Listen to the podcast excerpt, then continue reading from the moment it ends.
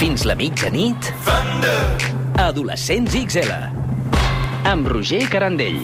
Just a young gun with a quick fuse. I was uptight, wanna let loose.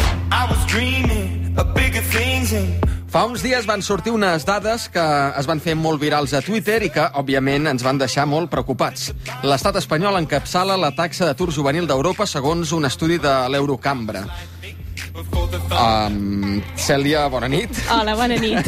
És que no et veia dic, hòstia, on és la, la sóc aquí. Cèlia? Bona nit. Doncs estem preocupats per aquesta xifra, no? Sí, i el que és més fort de tot és que la mateixa xifra és 41,7%, mentre que la mitjana de joves fins a 25 anys que no tenen feina a la zona euro és del 14%. Ui. Això ho diuen els indicadors de, de l'Eurostat.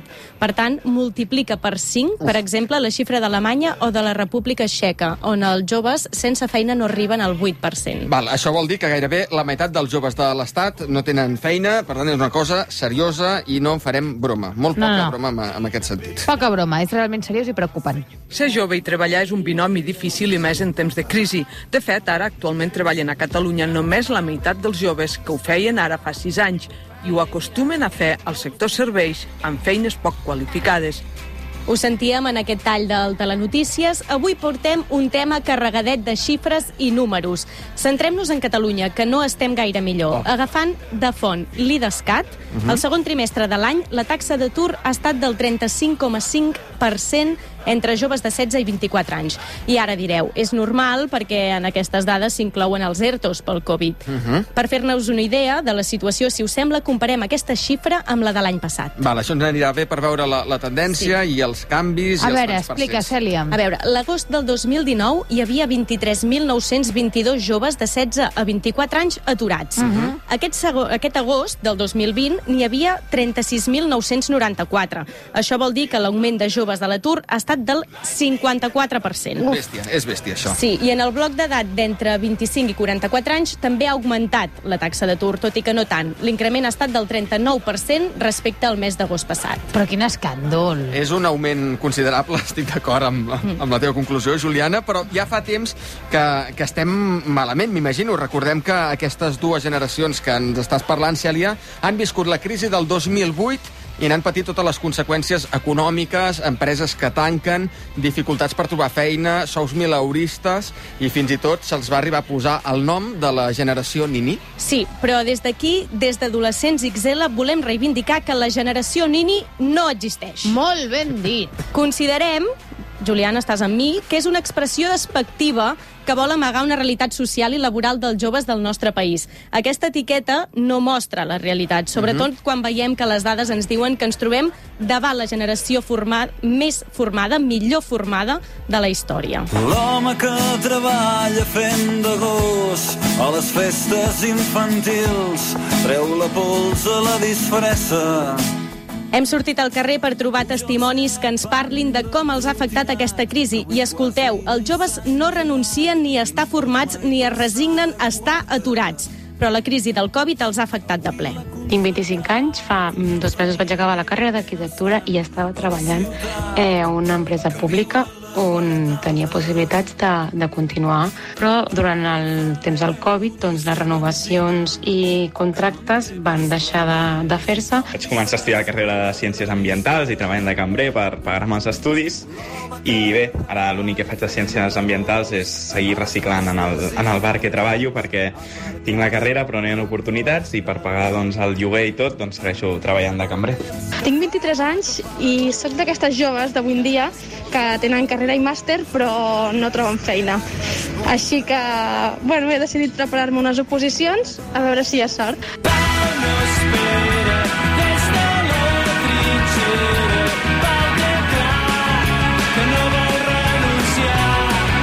Que bona aquesta cançó. I que Boníssima. malament que ha envellit, eh? S'ha de dir. Oh, a mi m'agrada. Sí, però lo de les cambreres, tot, bueno... Ah, Mentre sí, sí. preparàvem aquest reportatge, sí que hem pogut constatar que els joves estan desmotivats. Això sí, diuen que els contractes temporals, els contractes precaris, dels quals s'ha abusat durant molt de temps, els han fet perdre l'esperança de progrés. Sí, bé, de fet és el que dèiem, no? que joves nascuts entre els 80 i els 90, que ja van patir les conseqüències de la crisi econòmica quan tocava entrar al mercat laboral, i ara que es començava a recuperar una mica, bum! coronavirus i torna a la casella de, de sortida. Home, eh, així no hi ha qui remunti. Crisi sobre crisi. Eh, Com dieu, ens hem topat amb una altra realitat. Escolteu. Avui volem posar la lupa en un col·lectiu fortament afectat per la situació de temporalitat i de precarietat laboral, econòmica i habitacional.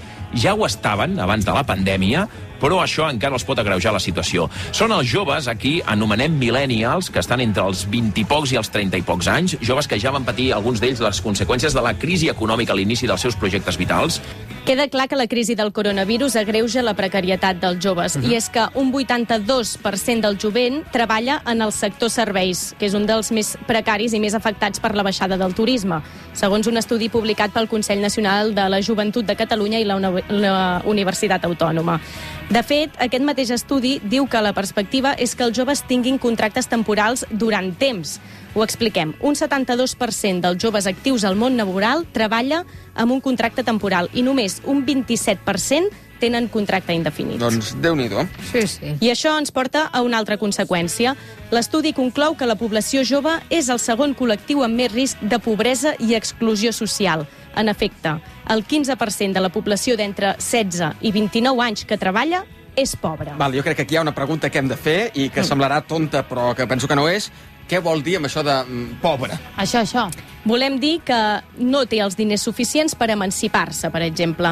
Aquest últim trimestre, només el 21% dels joves catalans fins a 29 anys s'ha Mhm. pogut independitzar.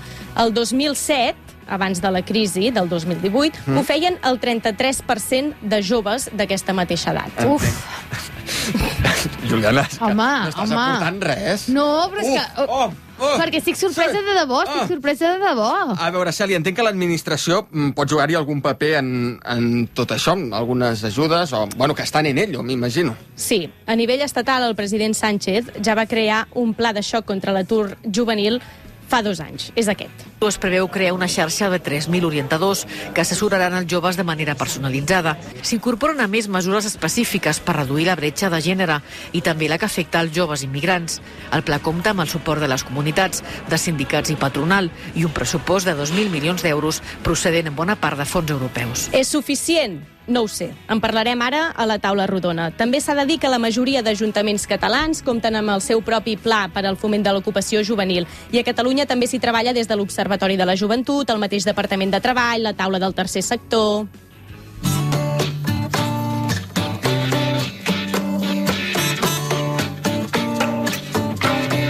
Totes aquestes situacions que ara estàvem parlant amb la Cèlia són només una mostra de la realitat que envolta una generació que ho té força difícil per construir il·lusions, ni fills, ni hipoteques, ni mirar més enllà de demà passat, però la pregunta és...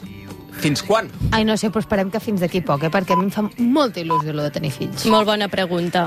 Com a punt final, deixeu-me recordar que les generacions van una darrere l'altra. Els que han d'arribar amb més empemta, amb més ganes, amb més força, són els joves. Però quan les coses van mal dades, com que són els que hi ha al final de la cadena, són també els que reben els cops més forts. Com si tot ho poguessin resistir. Pensem-hi en això. S'haurà de pensar, sí, sí. Que s'haurà de pensar. Gràcies, Cèlia. I, amiga, sempre ens quedarà anar a passejar per la Rambla. Ai, sí.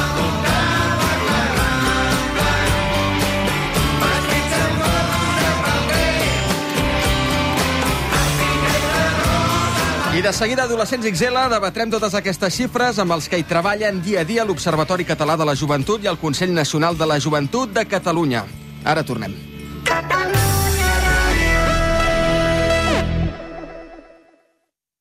Estem a punt per quan tornis. Ocasión Plus llença la baixada de preus més gran de l'any amb més de 3.000 cotxes amb descompte i estalvi de fins al 50%. 50%. Només fins al 27 de setembre. Ocasión Plus a Barcelona, obert dissabte, matí i tarda. A la carretera de Montcada 750 de Terrassa i a ocasionplus.com. Són les 6 del matí, som-hi, som al matí de Catalunya Ràdio. Per saber què significa allò que sents, Escolta't al matí de Catalunya Ràdio. Matí de Catalunya Ràdio, amb Laura Rossell. I fins a la una del migdia estarem aquí. De dilluns a divendres, de 6 a 1. Escolta't, és el teu matí. Em vull vendre el cotxe, vendre el cotxe. A Vender mi cotxe et comprem el cotxe. Però com? On i quan? Si no tinc temps. Fàcil i molt de pressa. No cal ni demanar cita. Vine amb el teu cotxe, accepta la millor oferta i abans de 30 minuts tu i els teus diners estareu de tornada a casa. Vinga, venta el cotxe a Vender mi cotxe. Som a Barcelona, al carrer Rocafort 78, Cornellà de Llobregat i a Sabadell.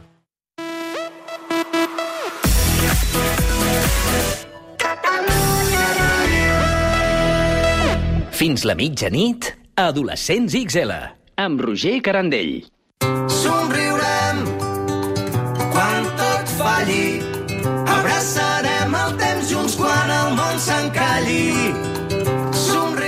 Minuts passen de dos quarts de dotze.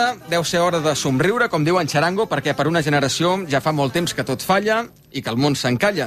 De fet, n'hi ha prou en fer una ullada als titulars que de manera cíclica apareixen als mitjans de comunicació des de fa tranquil·lament 12 anys. La primera generació que viurà pitjor que els seus pares. O els joves de menys de 34 anys mai es podran comprar una vivenda. I així anar fent des que va patar tot amb la crisi del 2008. Per parlar una mica de tot això en general i de l'atur juvenil en concret, avui ens acompanyen a l'estudi la Mireia Sala de l'Observatori Català de la Joventut, que depèn del Departament d'Afers Socials i Família de la Generalitat de Catalunya. Ui! Uf, et Sí, cap és tot això? títol, Te cap sí. a, la, a, a la firma del correu electrònic? Mireia Sala, posa. I també ens acompanya la Júlia Rosana, vicepresidenta del Consell Nacional de la Joventut de Catalunya i membre de l'entitat Acció Jove de Comissions Obreres de Barcelona. Bona nit a les dues. Bona nit a tots.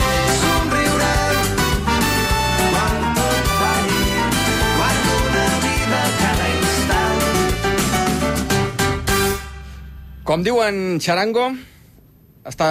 falla tot? Tot falla, ara mateix?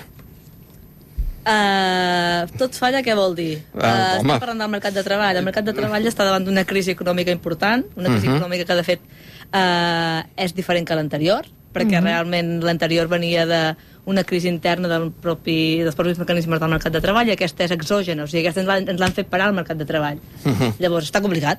Està fallant, està fallant bastant. Tot. A veure, fem una cosa. Uh, Mireia, per situar-nos, uh, ens pots explicar què feu a l'Observatori Català de la Joventut? Sisplau, explica-ho perquè jo no en tinc ni idea. Sí, amb un parell de frases, diguéssim. Arribeu al matí, què feu? Uh, bàsicament fem recerca i busquem informació, dades, uh, intentem interpretar i entendre una mica què passa amb els joves a Catalunya, o sigui, en tots els àmbits de la seva vida, salut, lo, treball, um, educació, etc. O sigui, realment in- intentem comprendre i entendre com està la situació laboral a, dels joves de Catalunya i fem avaluació també de les polítiques que tenen a veure amb, amb fer canvis en relació a aquests joves. I Mhm. tot això ho, estem, ho intentem difondre perquè hi hagi polítiques noves i, i alternatives. Perfecte, tenim situadíssima. Um, Júlia, què és el Consell Nacional de la Joventut de Catalunya i quina és la seva funció? A veure. Doncs així per resumir, perquè si no seria molt llarg explicar-ho tot, Sí. el Consell és una plataforma, és una plataforma de totes les entitats a nivell català i que es divideix per àmbits, són àmbit social, àmbit polític, sindical, educatiu, Uh -huh. i, i són entitats que formen aquest Consell, són més de 80, o sigui, Oh. són moltíssimes, representen a molta part de les joves de, de Catalunya, i, i som com la veu d'aquestes joves. Llavors nosaltres fem d'intermediari amb l'administració, fem una mica de campanyes, fem ressò polític i Mhm. portem projectes. Tu, Júlia, quina edat tens? Perquè veig que ets molt jove i estava pensant, no sé quina edat deu tenir. Jo tinc 20 anys ara. 20 anys. La mateixa pregunta que t'he fet abans. Eh? Sí, exacte. També li has preguntat, tu, Mireia, quan, quan hem entrat. A veure, tenim moltíssimes coses per preguntar-vos, però crec que és important també definir breument alguns conceptes socioeconòmics que aniran sortint i que des de fa dies i anys sentim a tot arreu. I no sé si tu, Mireia, ens pots fer una descripció breu i fàcil d'entendre. Ho dic perquè a vegades, amb tanta xifra i, i tant percentatge i, i tots els tecnicismes, jo almenys em perdo. També Sí. és veritat que vaig fer el batxillerat humanístic i llavors eh, tenim algunes mancances. Parlarem de la taxa d'ocupació. Mm, quan parlem de taxa d'ocupació, què hem d'entendre? Quin sinònim més? A les persones que estan treballant, estan, estan ocupades, és simple com això. Els joves que estan ocupats en relació a tots els joves. La taxa d'atur, joves que estan en atur en relació a tots els joves. A un jove que estigui estudiant no, no, no el contemplem aquí dins, no? No, no forma part de la taxa d'ocupació. Val. Uh, algun altre concepte, Juliana, que creguis que hem de... La taxa d'atur, Jo li volia preguntar la taxa d'atur, però ja m'ho ha explicat molt bé. Sí, És no? la mateixa relació, o sigui, per dir-ho és els, els, els joves que d'alguna manera estan registrats a l'atur en relació a tots els joves que hi ha. Perfecte. Conceptes clars, ara sí avancem.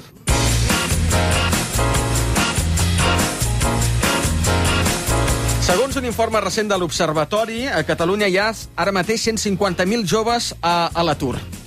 Estem malament? És una mala xifra? La taxa d'atur, i ara em poso una mica més sèria, sí, Sí? és molt alta últimament. És, aquesta dada que heu extret d'aquí, em sembla que és de l'informe que fem nosaltres trimestral, trimestralment, que és l'informe que són de les dades d'EPA, Sí. i és una dada que, de, que revela la situació del segon trimestre d'aquest any, i per tant és un trimestre complicat, es va, es va haver-hi una paralització important de, de les ocupacions, i per tant la taxa d'atur és elevada. Sí, últimament estàvem per sota els, el 20% i estàvem en, en, en moments de recuperació en aquest sentit, però ara tornem a estar bastant amunt, 25, no sé com ho has dit, 25, com a... Sí, mira, uh, ara tinc aquí que respecte a l'any 25,6. anterior, la taxa d'atur juvenil ha passat del 19% al, al 25%. Hòstia, això és una bestiesa. Uh, això és- seria... Sí, però el que comento, eh? És, aquest informe és del segon trimestre d'aquest any. Per tant, Clar. de veure com avança. Aquell trimestre va haver un confinament molt... molt O sigui, anirà cap a millor. Les dades. Podríem anar millor o podríem mantenir-nos igual. De fet, no se sap com continuarà la crisi. Mhm. Com que és una crisi nova i d'alguna manera és diferent que l'anterior, tampoc sabem com funcionarà.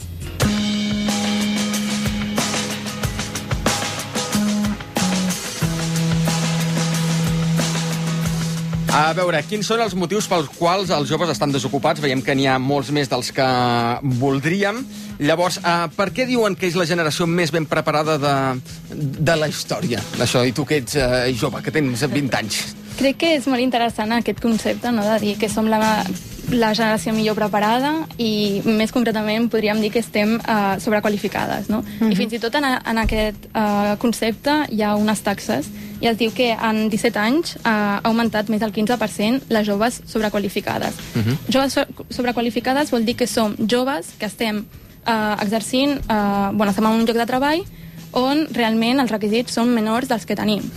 I, I això és també un exemple del fet de que estar més qualificat no significa tenir una feina digna, unes condicions bones i sobretot un recorregut, no? que és una mica la gran problemàtica de les persones joves avui en dia, és aquesta temporalitat que no fa que accentuar la precarietat juvenil i, i, i totes les problemàtiques lligades a això, no? que és també temes d'emancipació, etc. Clar, hem vist que les persones inactives que no estudien representen el 10% del col·lectiu jove. Jo, Júlia, et volia preguntar si creus que el fracàs escolar té a veure amb les dificultats laborals entre la, la població jove. Crec que és una relació innegable, no? El fet de, de tenir o no estudis eh, afecta el tipus de feina i el tenir-ne o no, però crec que més que anar a l'individu com a tal, l'individu que deixa d'estudiar, que, fa, que pateix aquest abandonament escolar, Mhm. s'ha de pensar una mica quines són les causes, fer una crítica al sistema educatiu actual, perquè potser hi ha coses que s'han de millorar o canviar, i també partir de la idea de que no tothom comença des de la mateixa base, amb les mateixes condicions, i que és tot molt, molt poc... Mm, no es pot generalitzar, bàsicament. Mhm. Dèiem abans que actualment, mm, respecte a anys enrere, s'emancipen molts menys joves. De fet, VilaWeb va treure una notícia on deia que només dos de cada deu joves poden emancipar-se i els costa el 60% del, del sou. Això, Mireia, no sé si és una conseqüència directa de, de no trobar feina? Quin, quina és l'explicació? Evidentment, de fet, aquests informes que nosaltres fem trimestralment es vincula directament a l'ocupació, l'atur i l'activitat amb l'emancipació. Estem en uns nivells d'emancipació molt baixos.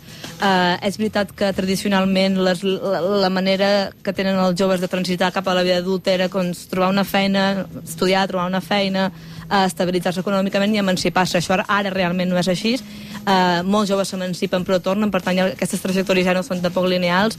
Tenim una, baixa una taxa d'emancipació baixa que, que, que, que oscil·la, diguéssim, o sigui, no, no, va, no varia, sinó que va oscil·lant i que, i que no només són és una taxa d'emancipació baixa pels joves més joves, que seria com més lògic, sinó que Mhm. realment els joves més grans també continuen estant emancipats, o tornen o reculen, o sigui, fan un va i ve i realment les, les transicions cap a la vida adulta no són tan senzilles com ens pensàvem. I molts companys de pis. Molts. De... Exacte. Molt poques persones que visquin soles. Exacte.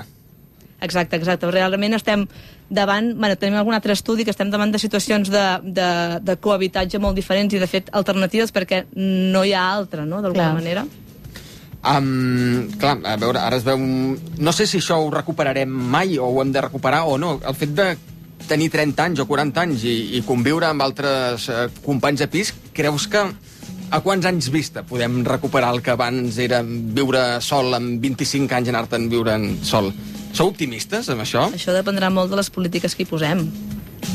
I si realment volem incidir en el mercat de lloguer i com volem incidir en el mercat de treball. Això ja no depèn de l'Observatori Català de la No, Joventut. ara, és que ara has parlat en primera persona del plural i he dit a veure si l'observatori hi poden fer alguna cosa. Júlia, tu com ho veus? A veure. crec que és important destacar que eh, ara mateix a l'estat espanyol estem a un màxim històric, no? I que l'edat eh, mitja d'emancipació són els 29 anys. Uf. Comparant amb països eh, del nord, Mhm. són 10 anys més. Per favor. Llavors és, és realment preocupant, però tot això va lligat a les condicions que les joves hem d'afrontar per entrar en aquest món i en el mercat. També en el sentit no només quantitatiu, sinó qualitatiu. No?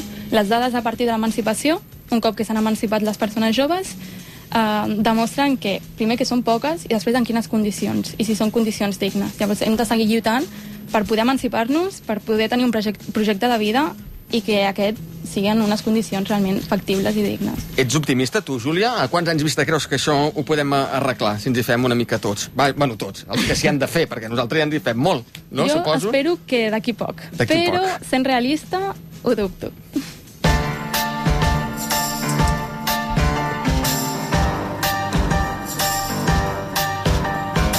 Situem-nos a l'any 2008, peta una crisi que ens deixa tots descol·locats i que esquitxa de ple als joves. N'hem après alguna cosa per no repetir els mateixos errors? Mireia, des de l'Observatori veieu aquestes coses?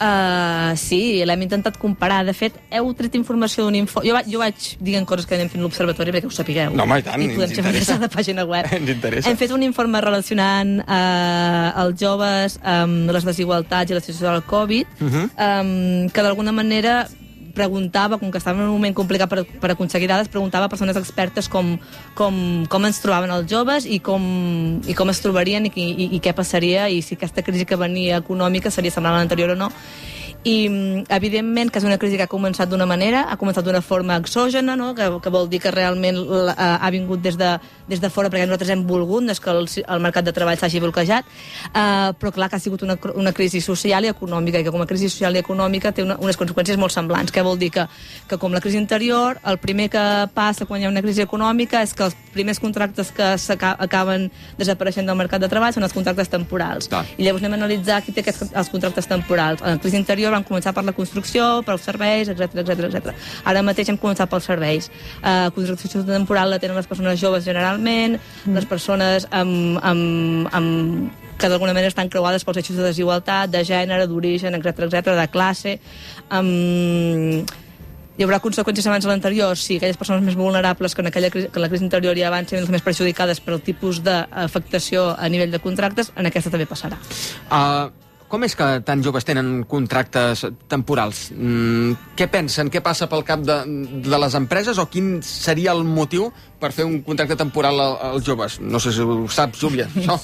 El tema dels contractes labor, eh, temporals és la gran problemàtica de, dels joves d'avui en dia. No? És una de les grans causes d'aquesta precarietat. Eh, es calcula que en un any, dels, tots els contractes que fan, només 10, el 10% són indefinits i el 90% temporals.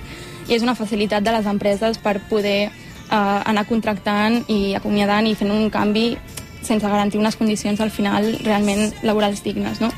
I llavors és, un, és una, una realitat del present, és una realitat i una característica quasi de, del jovent d'avui en dia i, i això no comporta res més que animar a fer una nova reforma laboral que tingui en compte això, que ho reguli, que tingui en compte la realitat de les persones joves i que intenti millorar-ho perquè siguin justament unes condicions dignes i acceptables. Uh -huh. Dèiem abans que un 82% del jovent treballa en el sector serveis, un dels més precaris i més afectats per, per la crisi.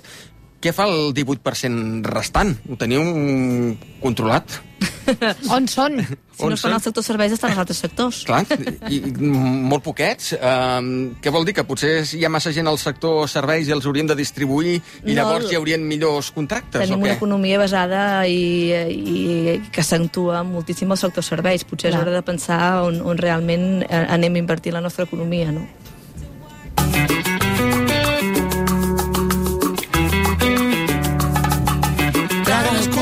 Callas o discutes, te rebota, te defiendes o deja que te manejen. Hay que darle duro, con cariño pero fuerte. Ja fa molts anys que tots plegats ens omplim la boca de la paraula emprenedoria. No Sé tu sé... propio jefe. Ara, ara, autoajuda de- d'aquesta. No sé si la solució creieu que passa per aquí, ja que es fan uns contractes de merda, no?, pel que sembla. Potser mm, cadascú s'ha de crear la seva pròpia feina. Potser la nova economia passa per aquí.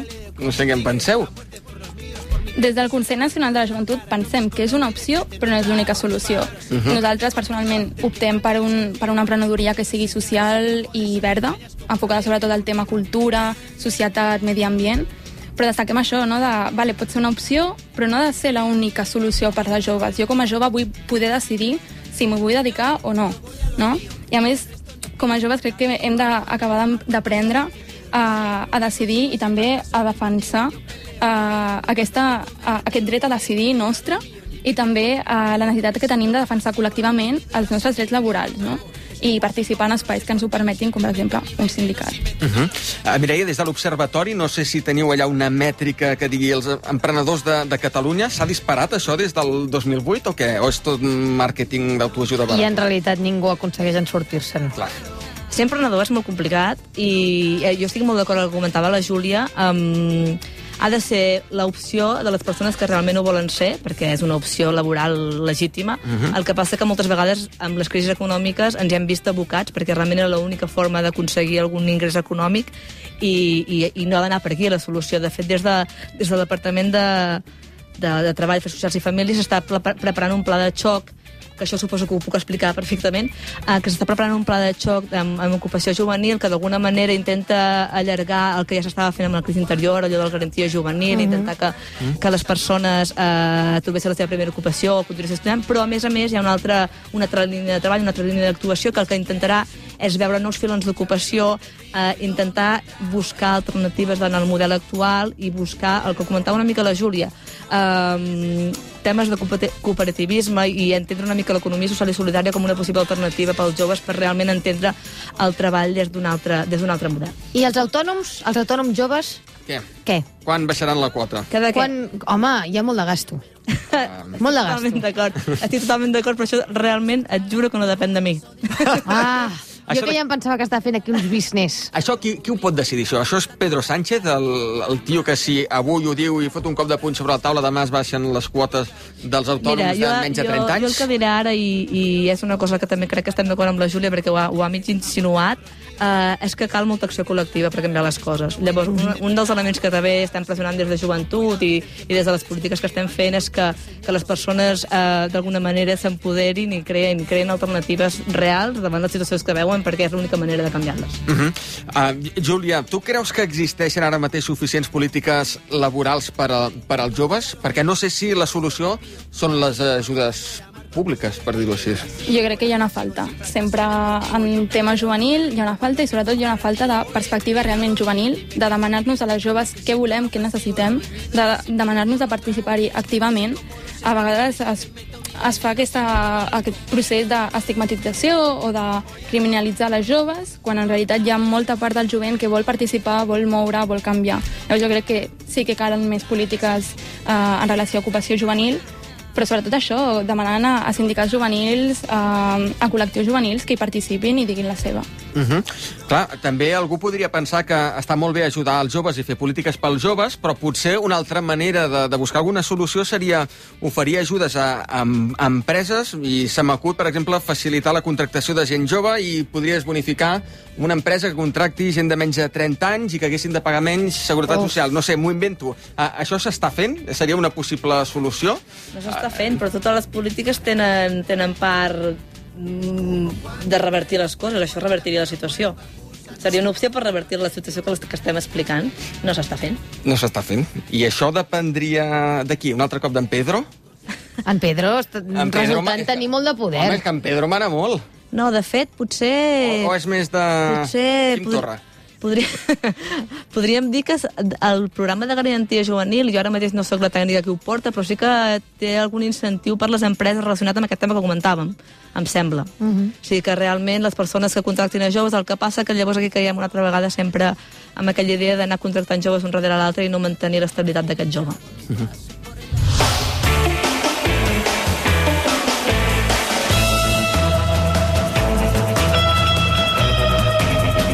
vegades, com, quan no saps com fer una cosa, et diuen copia dels millors, no? I, i ells ja t'hauran fet la feina. Com ho fan altres països eh, que estan a la part superior del rànquing d'atur juvenil, és a dir, que tenen un atur juvenil baix? No deu sé- ser tan difícil No sé si mm, tu, Júlia, estàs al cas de polítiques d'altres països i si has analitzat de, com és que ells estan tan bé i aquí estem tan malament. No ho he analitzat, no en conec gaire, però sí que estic al cas, sobretot amb el tema del Covid, actualment, eh, des de la part des de la Unió Europea, s'està a fent com un seguiment d'aquestes eh, ajudes que s'estan donant als països i fent especial eh, incís en el fet de millorar la situació laboral de les persones joves i acabar amb la precarietat.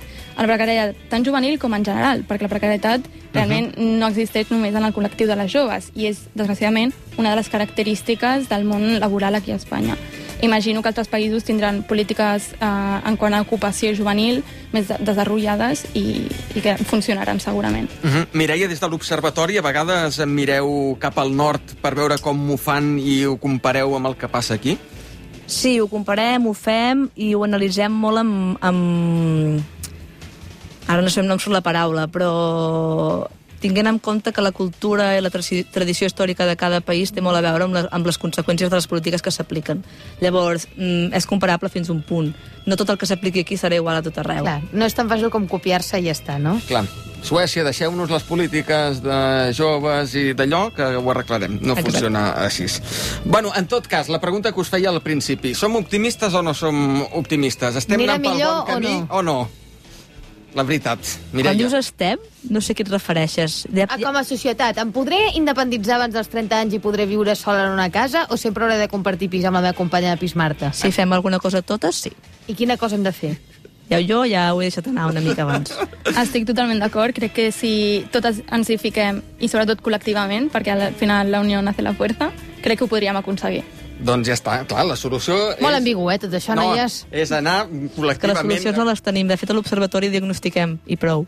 Ens quedem Ah. aquí. Si voleu participar-hi per trobar i lluitar per aquestes solucions, el Consell també és un espai per fer-ho. Perfecte, doncs avui us hem presentat la Mireia Sala de l'Observatori Català de la Joventut, la Júlia Rosana, vicepresidenta del Consell Nacional de la Joventut de Catalunya i membre de l'entitat Acció Jove de Comissions Obreres de Barcelona, que tampoc sé com ho fas perquè càpiga la firma al mail, de tot això tan llarg. Moltes gràcies per venir, noies, per ajudar-nos a, A entendre A vosaltres. aquestes coses que a vegades es fan una mica complicades, la precarietat laboral, eh, i sobretot apuntar-nos algunes solucions una mica obertes, que encara no les tenim del tot identificades, però que algun dia, esperem que ben aviat, puguem deixar de parlar de tot això. I s'hi ha de pensar, Heu trobat alguna solució tots plegats. Bona nit i gràcies. Moltes Bona gràcies. nit.